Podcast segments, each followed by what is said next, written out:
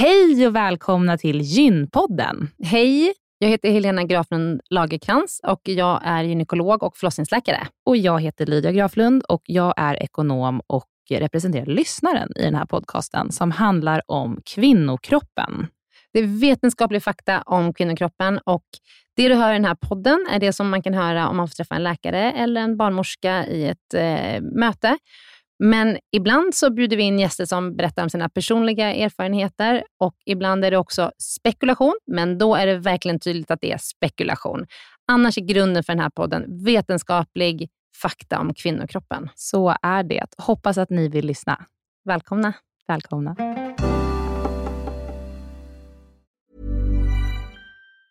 Have catch yourself eating the same flavorless dinner three days in a row? Dreaming of something better? Well, HelloFresh is your guilt-free dream come true, baby. It's me, Gigi Palmer. Let's wake up those taste buds with hot, juicy pecan-crusted chicken or garlic butter shrimp scampi. Mm. Hello Fresh. Stop dreaming of all the delicious possibilities and dig in at hellofresh.com. Let's get this dinner party started.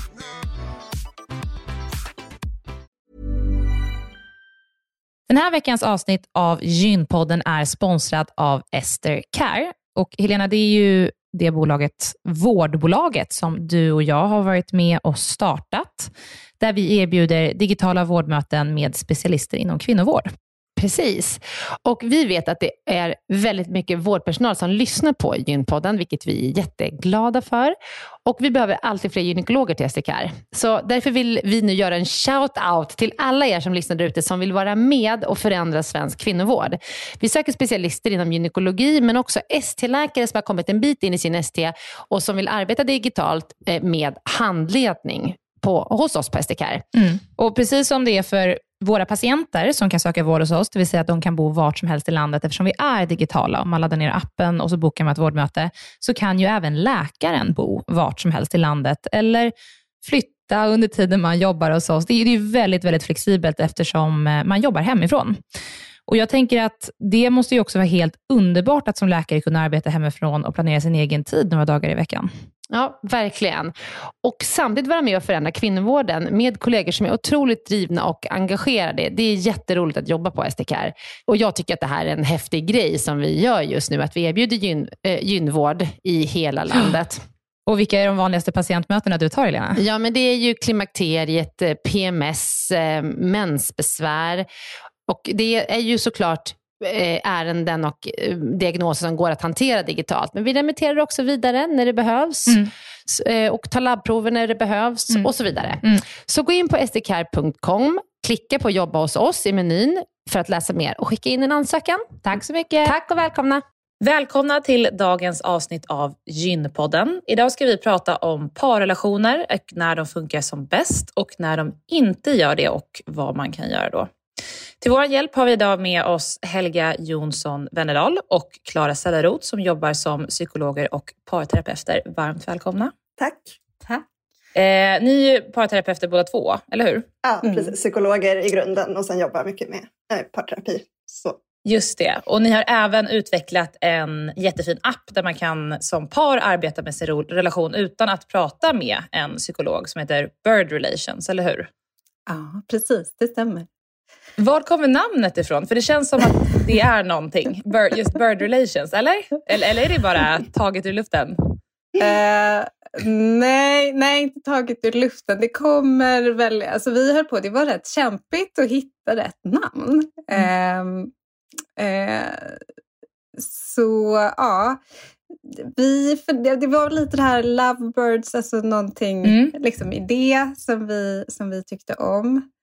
Men det är liksom inget känt uttryck inom, eh, inom ert skrå, så att säga? Nej. Där man jobbar nej. parterapi? Nej. nej. Och jag tänkte om det var någon, någonting, någon teori eller någonting. Nej, men vi utgick väl lite från också, det finns ju en del fåglar som liksom lever i eh, mm. långvariga relationer och vi ville väl ha lite associationer till, eh, ja, på något sätt kärlek över tid också. Mm. Mm.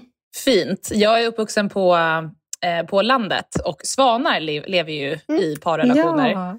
Eh, och vi har alltid haft ett svanpar som har bott eh, utanför liksom, på sjön där, vi, där jag vuxit upp. Och så en eh, dag så var ett, en, av, en av de här svanarna eh, hade gått bort.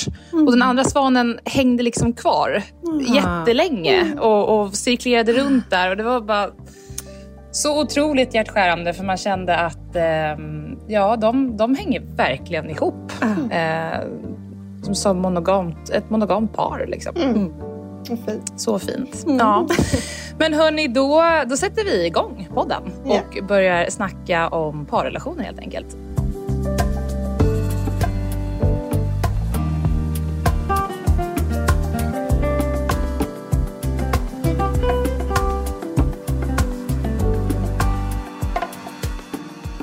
Men kan inte vi börja med, ni är båda psykologer i botten och har blivit parterapeuter. Hur kommer det sig att ni riktar in er på det?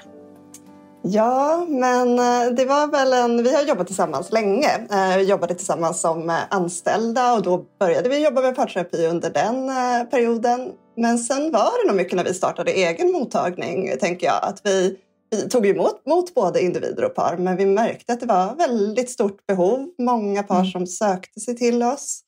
Um, och sen hade vi ju skrivit den här boken Må bra som förälder också, precis eh, där innan vi startade mottagning. Och då var det också väldigt mycket uppmärksamhet just i kapitlet om parrelationen. Vi kände liksom att det här är, det finns ett stort intresse, det finns ett stort behov. Så det blev väl lite gradvis, tänker jag, mer och mer att vi mötte fler och fler par. Mm. Och i dagsläget, nu tar ni bara emot, eh, eller ni jobbar ju inte praktiserande på kliniker, eller på er mottagning längre, eller? För ni har ju ert Jo. bolag. Precis, men vi har fortfarande lite, ungefär en dag i veckan båda två. Och då är det Mm. ju framförallt par vi träffar. Mm. mm. Och om vi börjar, ehm, om vi börjar i liksom rätt ände. Hur ser en hälsosam relation ut? Mm. också en sån här Det är en svår, stor fråga. Och stor fråga. Ja. Men det finns väl flera, om vi, ska vi köra några kanske exempel på vad som kan eh, finnas i en hälsosam relation? Eh, Mm. För en sak som, som jag tänker i det här med ja, men den här ömsesidigheten i att dela och eh, ta emot och att, eh, att man är liksom varandras förtrogna. Och både vågar berätta om vad som rör sig i ens tankar och känslor och också lyssna och ta emot och vara genuint intresserad av den andra. Så den typen av man säga, eh, beteenden eller interaktioner som handlar om det eh, tänker jag är en viktig, en viktig del. Mm.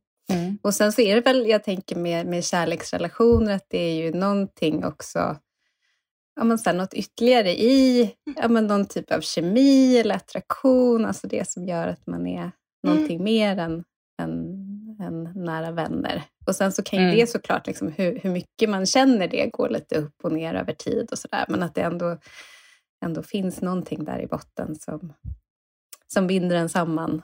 Ehm, Mm. Så. Och som, Mm. som går att på något sätt, ja men så här, som sagt kanske inte att man känner det jättemycket varje dag hela tiden men att så här, ja, men det går att hitta tillbaka till det i, liksom, i stunder och att man ändå liksom, ja, men känner att där, vi är speciella tillsammans. Mm. Mm. Fin- Finns det några, några liksom specifika, om jag, om jag tänker att man lyssnar på det här och man försöker själv utvärdera, har jag en hälsosam Mm. relation?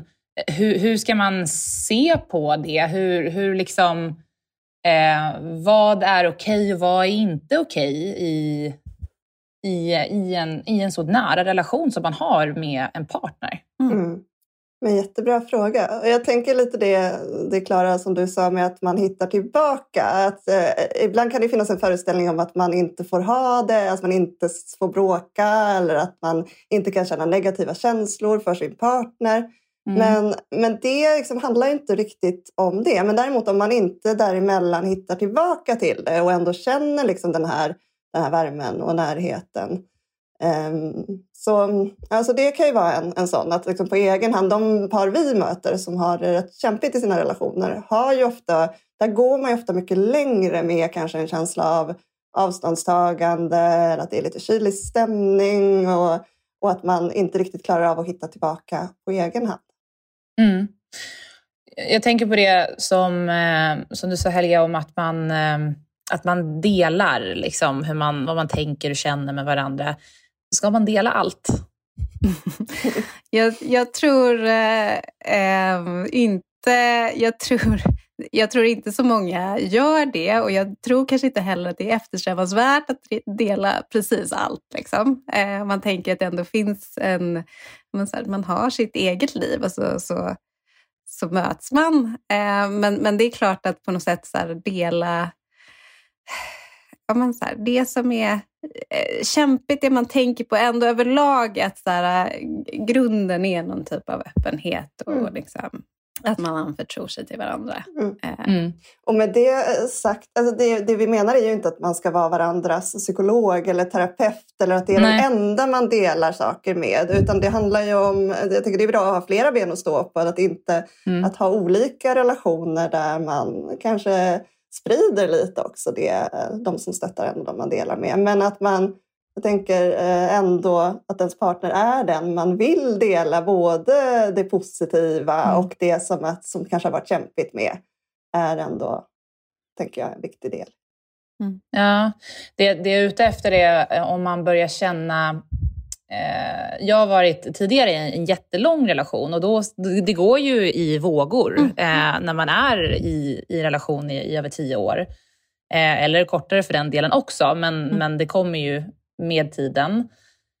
Um, hur man på ett bra sätt liksom förvaltar nedgångarna så att säga, så att man kommer igenom dem. För att mm.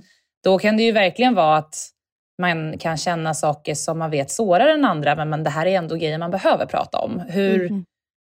hur gör man det på ett bra sätt som inte skadar den andra personen, men som ändå leder till en öppenhet och som, som tar en igenom problematiken?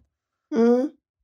Men det här är ju en jättebra fråga och jag tänker mm. att det är ju väldigt många som brottas just med det här. Att när det är något som verkligen är viktigt och som skaver och som jag måste på något sätt prata om, hur gör man det?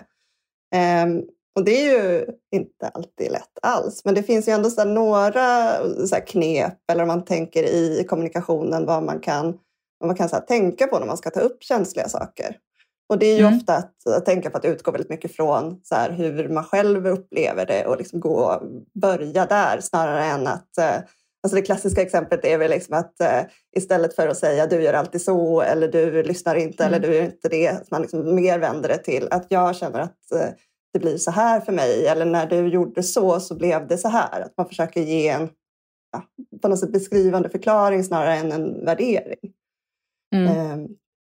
Så det, sen är det ju alltid, tänker i kämpiga perioder i livet så är det ju också ofta svårare också att hitta liksom de här stunderna när det passar att prata och ta mm. upp saker. Och jag mm. tänker som, som belastande perioder som småbarnsåren kan ju vara att man knappt ens hinner, hinner liksom hälsa på varandra och då kan man ju också behöva landa lite i att just nu är det en kämpig tid för relationen. Mm, och vara lite okej okay med det kanske. Mm. Eh, och in, ja, precis. Vad, vad, när, vad tycker ni liksom brukar vara, ni som ändå har träffat väldigt mycket par, eh, det är väl par som det har gått mer eller mindre långt liksom, mm. åt sidan för, så att säga. Vad brukar vara de första kännetecknen vid att, att en relation börjar gå åt fel håll? Har ni några sådana som ni identifierat? Att så här, ja, så här, det, det, brukar, det brukar börja vara på det här sättet. Liksom.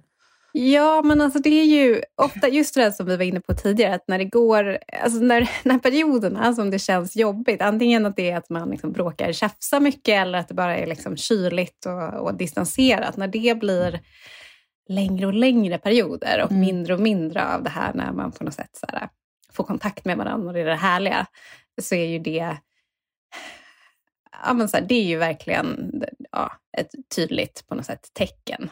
Mm. Um, och också kanske när man börjar bli här, antingen ännu mer, alltså lite i så här, hur man bråkar med varandra mm. när man är oenig om någonting. Alltså mm. man börjar gå mer mot så här, personangrepp eller liksom mm. bara uppenbart liksom, föraktfull i hur man eh, liksom, pratar om den andra. Eller liksom, lite åt andra hållet, att man liksom, lite ger upp. Att man kanske så här, mer drar sig undan. Att man, så här, ja, det är ju också ja, men kanske inte så bra. Nej, lite sådana kanske varningssignaler mm. om det börjar mm. bli för mycket. Och jag tänker också det här när det blir så mycket negativa interaktioner, att man kritiserar varandra väldigt mycket.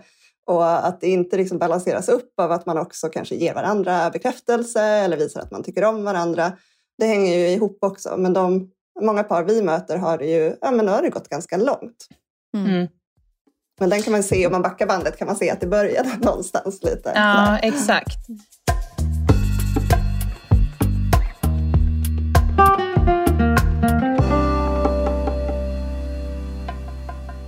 Och börjar det ofta då i... Har, har ni någon liksom så generalisering kring att eh, man utvecklas över livets gång och att man har börjat gå åt olika håll vid något tillfälle? Finns det några sådana tidiga stadier till exempel där man bör vara extra aktsam kanske kring att värna kring sin relation? För att för att det här, nu vid det här, ja, men typ i småbarnsåren mm. eller mm. efter, eller ja. så här, nu ja. teoretiserar jag. Liksom. Nej men det är ju ja. helt rätt. Alltså, ofta tänker jag övergångar i livet där det blir förändringar och det är ju så mm. vi fungerar som människor. Att det är även så positiva förändringar, man får ett nytt jobb eller man flyttar eller så, mm. kan ju också ja, men ha en effekt såklart för att det förändrar hur eh, man relaterar kanske till varandra, hur vardagen blir. Eh, och vi ser ju väldigt många par där man gått igenom ja, tuffa perioder ihop. Mm. Där kanske både, antingen den ena eller båda har haft det väldigt kämpigt. Kanske så väldigt hög stress. Man har kanske haft eh, anhöriga som har mått dåligt. Alltså det har varit just sånt här som belastar en i stort och att det får på något sätt konsekvenser också för relationen. Och det är klart att då är mm. det också ofta extra kämpigt kanske att också fokusera på relationen för att man har väldigt mm. mycket med annat. Men det är mm. också väldigt viktigt att ändå inte tappa varandra. Och där kanske det är det här snarare att checka in med varandra oftare kring mående så att man inte bara går i liksom parallella spår och börjar leva liksom sitt eget liv nästan. Mm. Mm. Ja, men det är just det där med, med stress, tänker jag, och, och liksom belastning. Alltså stress kan ju vara så mycket olika saker, men att det kan ju vara att det är jättemycket på jobbet eller mycket med barn eller alltså anhöriga eller sådär. Och, och hur man är olika också i hur man lite så tacklar det som person, där vissa ju är kanske så här, av sig själva bara mer, mer, har lättare för att dela det och prata om det. Och, så där. och för andra blir det mer liksom de här tunnel... Lite så här, bara fokus mm. på det som måste hanteras i livet. Och då, mm. Ja, men så här, ja, då, då kanske det, man inte delar det då så mycket med sin partner för att det är inte så man funkar. Eh, och, och, så går tiden och så kan det göra att det blir en distans. Så att, ja, men det är verkligen något av det där att bara liksom fortsätta prata med varandra. Mm. Alltså, mm. Som mm. ju är så himla, himla viktigt. Finns det, ser ni att det finns en viss typ av eh, personlighet som, som har större benägenhet att separera? Alltså att man har vissa personlighetsdrag. Jag kan tänka mig då, om man inte är särskilt bra på kommunikation till exempel, så mm. eh, jag vet inte om det leder till separation i och för sig, men, men det låter ju som att det är en nyckel eh, i en relation. Ja men verkligen, jag tänker ändå att det är ju någon typ av riskfaktor mm. om, man, om man tycker att det är, liksom, är svårt att kommunicera eller liksom svårt, att, bara så här, svårt att prata om känslor och det som är mm. jobbigt och sådär. Alltså då...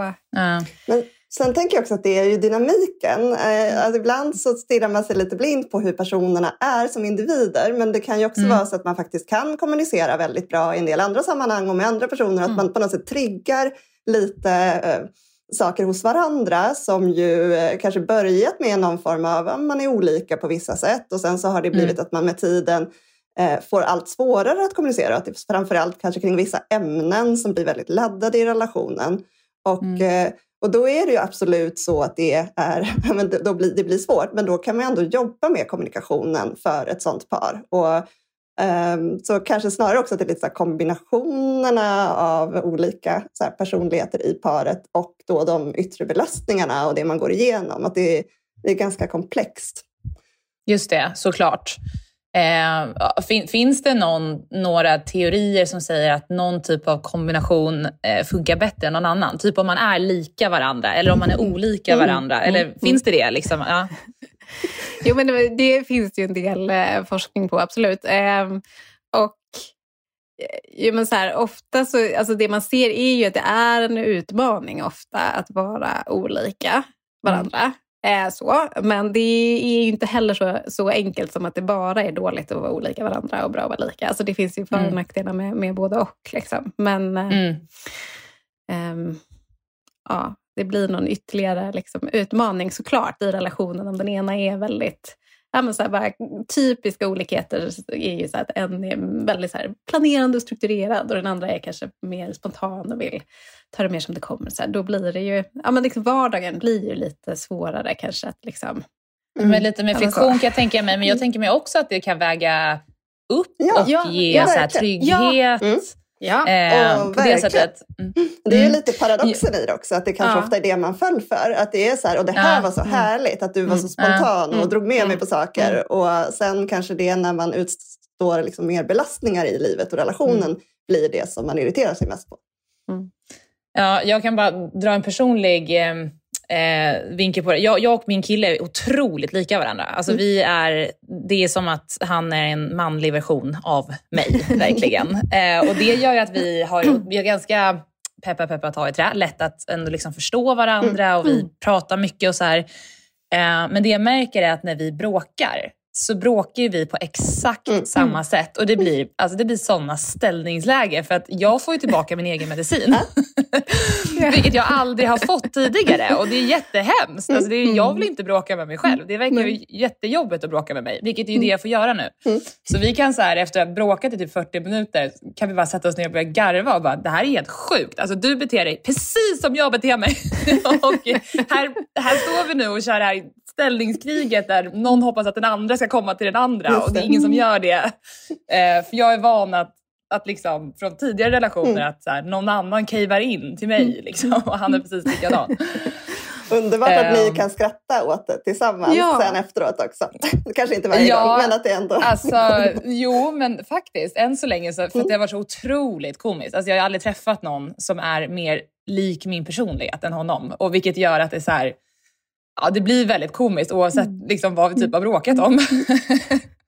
ja, eh, men om vi, om vi går vidare i, i vår agenda här på vad vi liksom tycker är viktiga grejer att, att prata om. Har, har ni, eh, har ni några teorier eller liksom vad ni har sett är de vanligaste anledningarna till att människor separerar? Som, alltså pitfalls som man kan undvika eh, i, framåt i sin relation?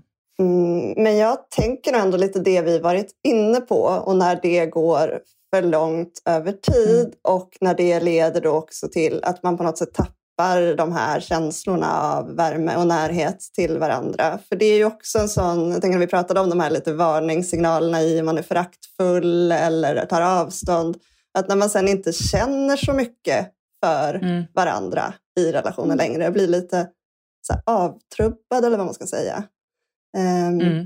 och så... hur, hur lätt är det att hitta tillbaka då? Um, alltså när det har gått så långt mm. att man nästan kanske in, inte känner, alltså att man inte känner sig kär, kärlek längre. Har, har det, är det för sent då? Mm. Alltså så här, rent krast så är ju det bland det svåraste. Ska jag mm. säga. Alltså par som kommer och då kan det ju vara så här ibland att de funkar jättebra mm. som något typ av så team i vardagen. Mm. Alltså så här, ja men är verkligen så här superlogistik, liksom, har, eh, samarbetar bra om olika saker och sådär.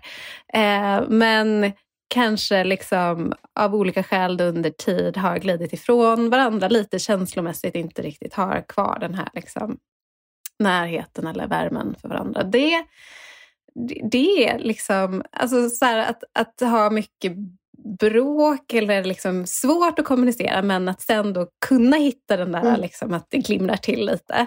Då, mm. då har vi något att jobba med. Då, mm. då, då har vi ändå, ska säga, det, det är mycket Ja, nej, det är tuffare när det är sådär att man har förlorat den där känslan. Det är svårare att hitta tillbaka till den faktiskt. Ja. Mm. Men om man eh. känner mycket kärlek eh, till varandra men att man inte funkar som par, mm. eh, alltså som mm. individer med varandra. Mm. Det är lättare då? Då har man mer verktyg att jobba med? Eller? Ja, men jag skulle nog också säga det. Och då kan det också vara så här, på vilket sätt funkar man inte som par? Är det liksom att vardagen, att man inte får ihop det, att man är så olika, att man har mycket konflikter? Det finns liksom ändå mer, om man ändå däremellan hittar tillbaks till att man kanske känner väldigt stark, starka kärlekskänslor så har man, ja men det är lättare att jobba med Eh, Eh, skulle jag säga. Hey, it's Danny Pellegrino from Everything Iconic. Ready to upgrade your style game without blowing your budget? Check out Quince. They've got all the good stuff shirts and polos, activewear, and fine leather goods, all at 50 to 80% less than other high end brands. And the best part? They're all about safe, ethical, and responsible manufacturing. Get that luxury vibe without the luxury price tag. Hit up quince.com slash upgrade for free shipping and 365 day returns on your next order. That's quince.com slash upgrade. Even when we're on a budget, we still deserve nice things. Quince is a place to scoop up stunning high-end goods for 50 to 80% less than similar brands. They have buttery soft cashmere sweaters starting at $50, luxurious Italian leather bags, and so much more. Plus, Quince only works with factories that use safe, ethical, and responsible manufacturing. Get the high-end goods you'll love without the high price tag with Quince. Go to quince.com slash style for free shipping and 365-day returns. Veckans avsnitt av Gynpodden är sponsrat av mittpreventivmedel.se som är en informationssida från Bayer. Mm. Jättebra informationssida. Eh, den, den är full av information och material för att du på bästa sätt ska kunna välja vilken preventivmedelsmetod som passar dig allra, allra bäst. Mm. Och Det vi tänkte prata om idag det är att det finns något som heter samtalsguide Mm. på den här sidan. Mm. Och Det är ett formulär där man har får en massa frågor, till exempel så här, att komma ihåg att ta med preventivmedel dagligen är inget problem för mig, eller ibland svårt, Mm. eller inte min grej. Mm. Eller eh, om jag blev gravid nu och så vidare. Liksom. Så att man får kryssa i en massa frågor och ta ställning och fundera innan du Mm. träffar din gynekolog eller barnmorska, så att du liksom verkligen får med alla frågor som är viktiga för dig i det där mötet. Ja. Så man kan fylla i den på den här hemsidan, så kan man skriva ut den här blanketten och ta med den. Ja. Jag skulle säga att, att det verkar som att det är framförallt fyra kategorier som Mm. är väldigt viktiga. Och sen, Mm. så, sen så spelar det ju in vad du har tagit innan och hur det har funkat för dig och, Mm. sådär, och din historik.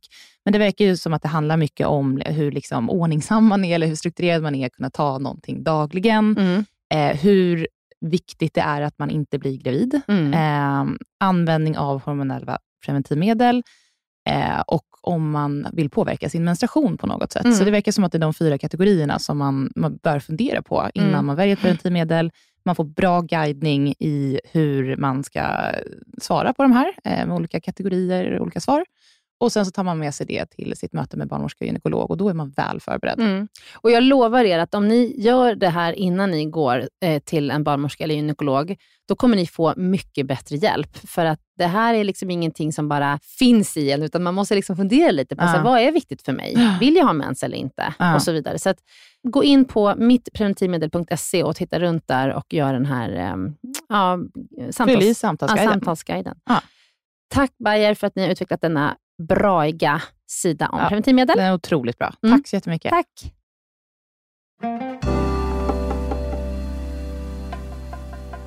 Hur mycket tycker ni är eh, liksom upp till individ? Alltså jag tänker så här, jobbar era patienter mycket med självutveckling? Jag tänker att det här är ju så himla... Mm. Det är klart att du lever i en relation, men mycket har ju väldigt Mm. mycket med dig som person att göra. Och hur du mår. Mm, mm. Mår du dåligt så blir man ju mer avståndstagande, fast det inte ens kanske har med den andra personen att göra. Och sen till slut så har man tappat relationen Mm. på grund av någonting som inte hade med relationen att göra. Det här är så viktigt tycker jag.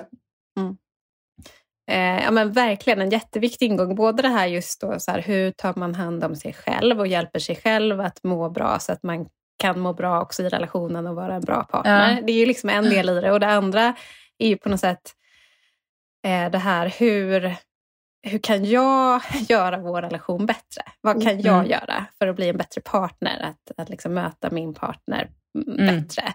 Mm. Eh, och det är ju ofta om man, så här, par som kommer till oss som har det tufft är ju ofta så uppfyllda av upplevelsen av att den andra brister på så många sätt. Ja. Och det, det är ju så. Alltså det, jag menar inte, alltså så här, det är ju verkligen den personens upplevelse.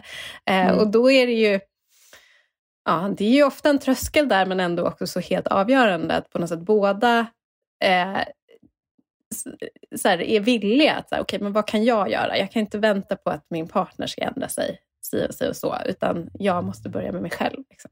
Mm. Mm.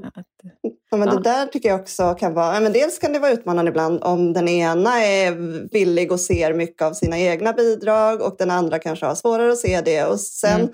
kan det också vara det här med att man, är, man kommer och har jobbat mycket med sig själv och eh, har gått liksom, självutveckling och liksom på något sätt. Ibland så är det ju inte så inte samma sak som att jobba med relationen, att jobba med sig själv i relationen. Så där kan det också vara så att man ibland kan det komma personer där den ena tycker att ja, men jag har ju gått så mycket i terapi och jag är ju ganska färdig och jag har ju koll på mig själv. Men sen är det en lite annan sak att också förstå sig själv i relationen. Apropå det vi var inne på, att det så blir en mm. dynamik, ni triggar varandra.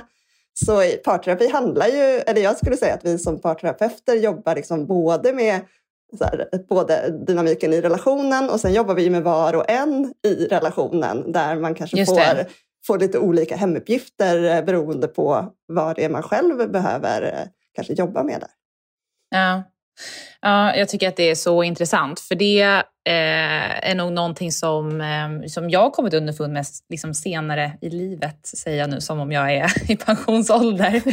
eh, men, eh, men att eh, när jag var liksom tidigt i relation så, um, så hängde jag upp mycket hela mig själv mycket på relation. Alltså mm. att vi var, jag var relationen. Relationen mm. var liksom grunden för också vem jag var. Mm. Eh, vilket jag tror kanske är vanligt när man är ung, att man, inte, man kanske inte riktigt har hittat sin väg eller hittat vem man själv är utan en annan person som man lever väldigt nära. Mm. Eh, och att jag sen ja, men senare år har liksom förstått att gud, du behöver, ju, du behöver ju stå på dina egna ben. Du behöver ju veta vem du är, hur du beter dig, ta ansvar för dina beteenden och liksom känslor mm. för att sen kunna ha en hälsosam relation och eh, få ett bra utbyte. Jag tycker att det, det har verkligen gått upp för mig. Mm. Eh, och, mm. ja. Ja, men det är så klokt, för om, om jag är relationen och den liksom står och faller med mig så är det ju både det att det blir ett ganska höga krav på mig mm. själv i relationen och också att om det då är kämpigt i relationen under en tid, vilket det är i de flesta relationer, så kanske man själv också mår väldigt dåligt. Att mm. det här mm. att det blir alla ägg i samma korg, det påverkar hela Exakt. ens identitet. Mm. Och, och, där vi, en relation behöver ju på något sätt stå pall för lite upp och nedgångar eh, mm. över tid. Mm. Och jag tänker att man också behöver separera sitt jag mm. från mm. det man lever i. Och just som ni var inne på innan, att man har ju många relationer. Alltså, nu pratar vi om just partnerrelationen mm. med mm. sin fru eller man. Eh, men eh, att man, man, är ju, man är ju i många kontexter. Liksom. Eh, viktigt att ha det med sig. Varför tror ni, varför tror ni att... Eh, det är ju många skilsmässor i Sverige och eh, jag har mina teorier kring det här, varför det är det. Ehm, eh, men, och var, varför tror ni att det ser ut så? Vad, vad tror ni utvecklingen har, har varit liksom, de senaste 20 åren? För nu är det väl att det är 50 procent som, som skiljer sig. Mm. Eh, ja, men precis. Och det...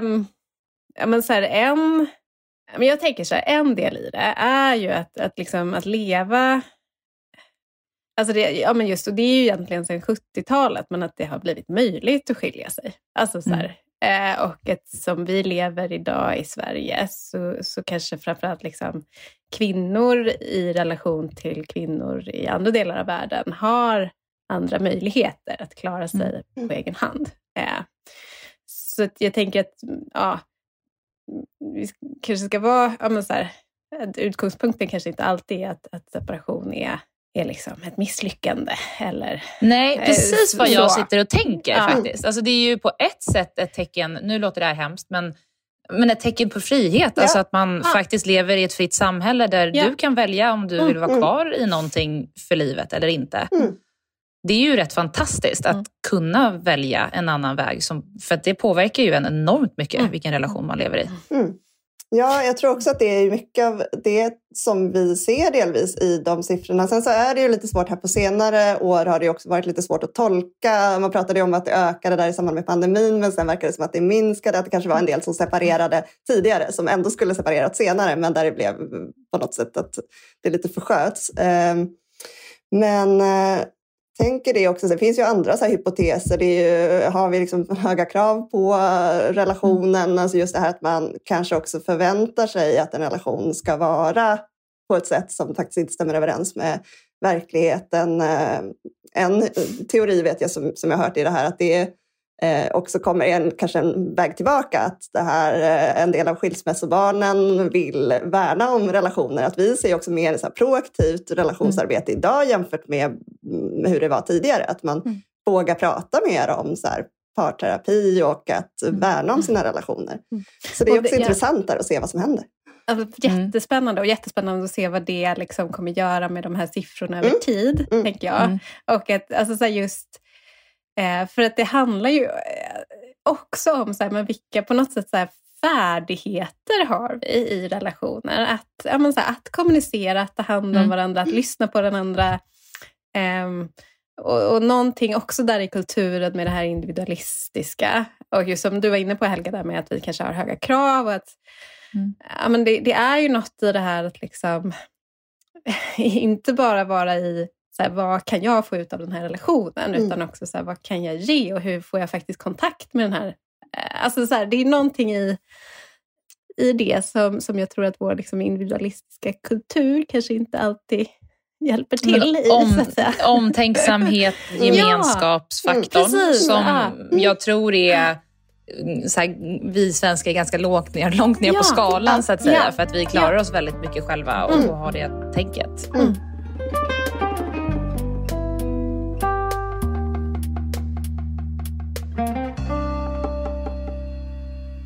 Det är ju enormt jobbigt att gå igenom en separation eh, för de allra flesta. Har ni några tips eh, till de som eh, är på väg att göra det eller som är mitt uppe i det? Har, har ni liksom, vad brukar ni säga till de personerna? Mm.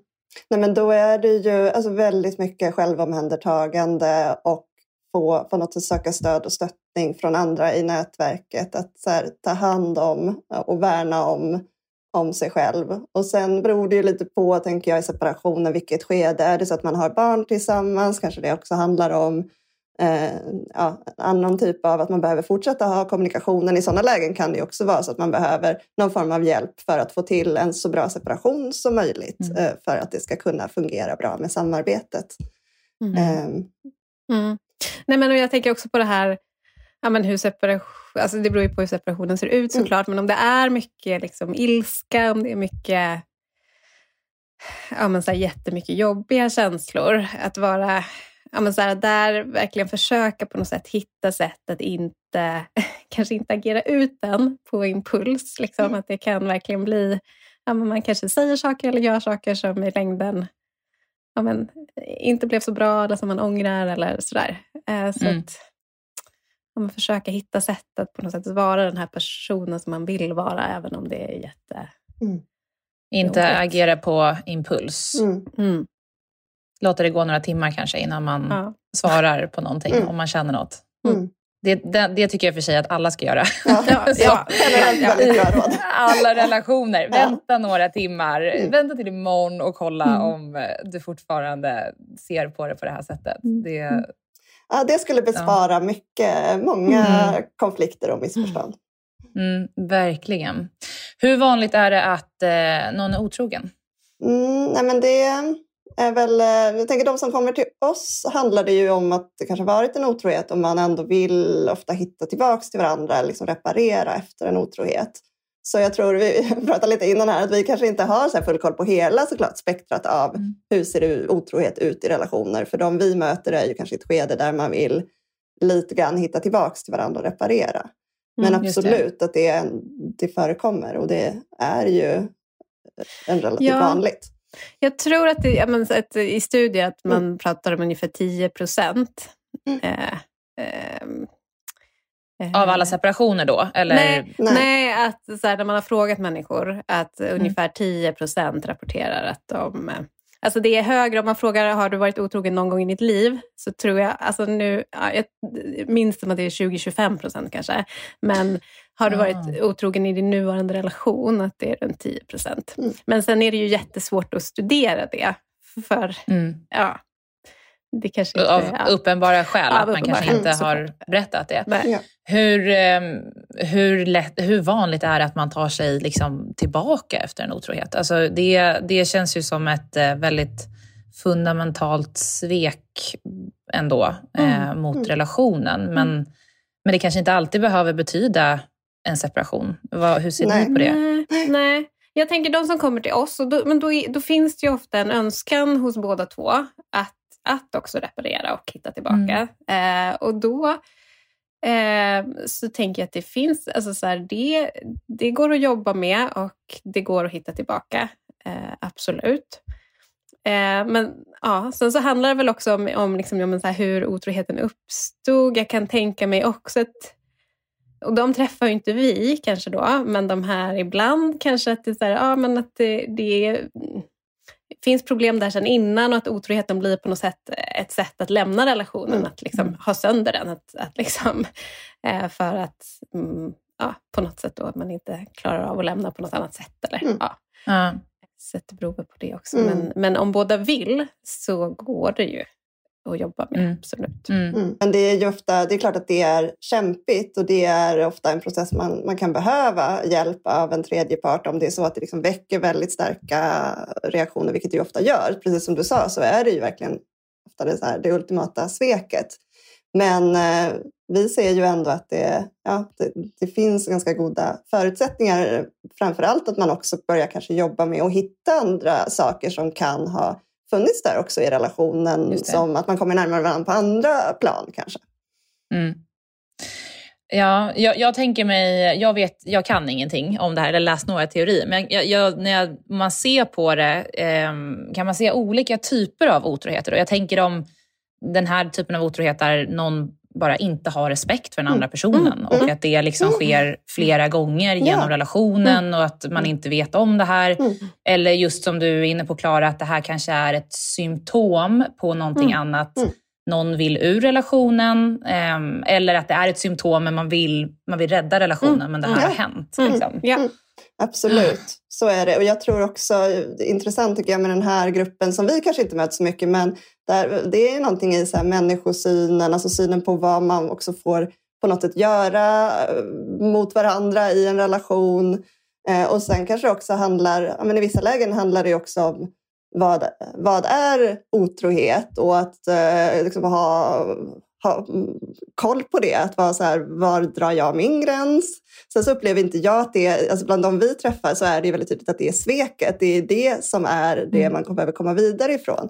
Men jag tror säkert att det finns, som du nämner, de här liksom, där det är upprepade eller man kanske inte riktigt kan, man ser det lite som um, att det inte är det här givandet och tagandet i relationen utan kanske mer bara det här vill jag få ut av relationen men jag är inte beredd att kanske ge upp de här bitarna som är viktiga för mig. Att det, mm ligger liksom något annat i, i det. Mm.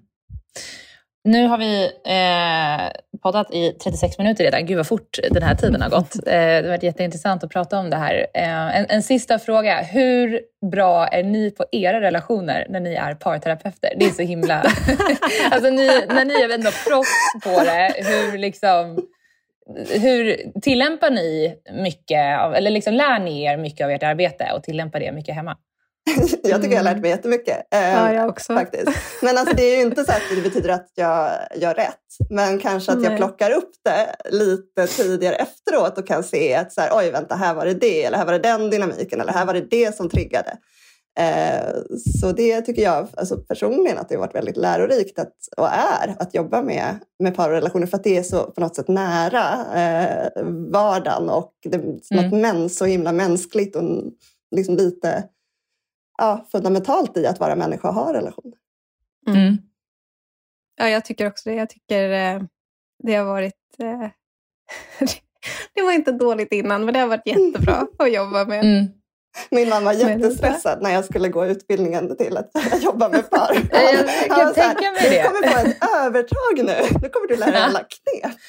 Jaha, han såg det på det ja. sättet. Jag hade ju mer sett det som så här, gud fantastiskt. Nu kommer du kunna så här, guida vår relation till att vara felfri. Nej, jag tror han trodde jag skulle lära mig de här knepen i att vinna i varje argumentation. Men det blev inte okay. riktigt så tror jag. jag han, han backade nog på den. Det var inte så farligt. För det är väl kanske inte heller det som är eh, tipset. Nej. Att här, lära sig hur man vinner alla argumentationer. Då får du en toppenrelation. Det, det känns inte som att det är det vi tar med oss från den här, den här poddinspelningen. Nej, det är sällan det vi jobbar med. Ja, men vad, har ni några liksom, varsina starkaste tips förutom kommunikation, men mer så här praktiskt? Jag vet inte om det är svårt att komma på så här, men som ni har tagit med er in i era relationer från att ha jobbat mycket med det här området och gått de här utbildningarna? Mm. Ja, men jag skulle säga, liksom, och det är ju en sån övergripande i metoden vi jobbar utifrån, så är ju acceptans en jätte jätteviktig liksom, hörnsten. Och det handlar ju om att ja, men verkligen så här, låta den andra vara som den är och bara försöka liksom, se det fina och positiva i den istället för att ändra det man kanske mm. ja, men så här, stör sig på eller så. Eh, och ja, men, alltså, Jag tänker så här, bara låta varandra vara som man är och mm. eh, göra vad man kan för att man ska ha det bra tillsammans. Mm. Den tycker jag, alltså jag hakar på den, men lite också det här begreppet, nu, begreppet snälltolkning har det pratats en del om på senare år, men det här att man gör utifrån det då, att man har en så acceptans och förståelse för att vi, så här är du och vi fungerar på lite olika sätt i vissa lägen. Det kan vara lika på vissa sätt, men det, det är någon, i, i, vissa lägen så är det saker som, som händer. Att man försöker bara göra den så välvilliga inställningen man kan eh, mm. i hur man tolkar den andra. Och sen mm. så är det så här, ja, eh, den, det tipset som, som du också sa, det här att inte agera direkt på känslan, mm. den i kombination med det blir väldigt viktig. För då är det ofta mycket lättare att sen göra en så snäll tolkning om man inte har gått igång i, på den liksom känslan som väcktes initialt och kanske till och med sagt någonting man ångrar. För då får man ju tillbaka någonting som också blir, då är man igång i någon form av negativ interaktion. Just det. Jag brukar, någonting som jag brukar tänka i um många avseenden, alltså inte bara i, i min parrelation, men det är just att i alla fall vill jag hoppas och tro att de människor jag har valt att ha, att ha runt omkring mm. mig, de menar inte att vara elaka. Nej. Alltså att man inte, mm. det, är, mm. det, är liksom, det är ingen som försöker vara elak Nej. här. Det har ju blivit fel mm. någonstans. Olika perspektiv, vi vill olika saker. Kan man reda ut det? Men, men just det här när man blir otroligt sårad av någon och man vill hoppa på den här känslan och mm. utagera. Att mm. Mm. Då brukar jag försöka säga, okej okay, låt oss, nu vill, jag, nu vill jag ha tystnad eller liksom vara i fred ett tag och tänka igenom det här för att nu tror jag att du är elak, mm. men du är nog inte det. Och jag behöver bara förstå mm. vad som har hänt här. Mm. Liksom. Exakt. Um, den, den brukar jag tänka ofta. Jag, han, han menar nog inte att vara elak. Uh, nu ska jag fundera på vad som har hänt här. Så brukar jag tänka. Och sen bara för att haka i det här med kommunikation så är ju på något sätt kommunikation som begrepp kan ju vara lite sådär luddigt. Ja, men vi, vad är en bra kommunikation? Men just att lyssna som del i kommunikationen skulle jag vilja ändå mm. lyfta fram som något av det viktigaste. Ibland är man så fokuserad på hur man ska säga och vad man själv ska säga att man på något sätt inte riktigt lyssnar in och försöker förstå. Och den går ju ganska fint in i det här att acceptans för hur man är och att eh, tänka att man vill, den vill en väl. Att man också genuint nyfiket lyssnar in vad ens partner säger mm. när den berättar något eller när man går igenom någonting som har, som har hänt, som man har, där man har tänkt på olika sätt. Mm. Ja. Nej, men hörni, gud vad intressant. Eh, tack så jätte, jättemycket för, eh, för samtalet, Klara och Helga. Jag känner att vi har fått ut massa bra i det här poddavsnittet. Har ni någonting som ni vill eh, tillägga till lyssnarna innan vi avslutar? Jag tycker vi har fått med mycket här. Eh, ja. De får gärna ladda ner och testa appen Birth Relations mm. om man vill eh, komma igång med relationsarbetet på egen hand. Kan det vara och då kan jag tänka mig att det är, det är mycket fokus på kommunikation, eller hur? Jag har tittat på den, eh, laddat ner den och tittat på den och det, det handlar ju mycket om det. Mm, och förståelse och ja, mm. helt enkelt lite det vi, ja, egentligen det vi varit inne på här idag. Att förstå varandra mm. och kunna också kommunicera och eh, förstå egna känslor också. Ja, Ladda ner den och eh, kika på, på hur man kan samarbeta bättre med varandra och kommunicera bättre. Och eh, tack så jättemycket för att ni var med i podden. Tack. Tack. Tack. Hej då. Hej då. Hej.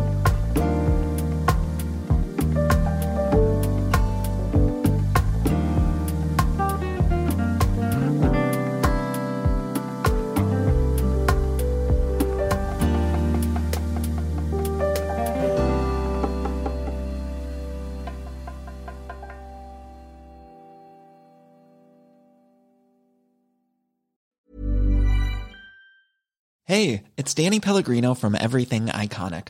Ready to upgrade your style game without blowing your budget? Check out Quince. They've got all the good stuff shirts and polos, activewear, and fine leather goods, all at 50 to 80% less than other high end brands. And the best part? They're all about safe, ethical, and responsible manufacturing. Get that luxury vibe without the luxury price tag. Hit up quince.com slash upgrade for free shipping and 365 day returns on your next order. That's quince.com slash upgrade.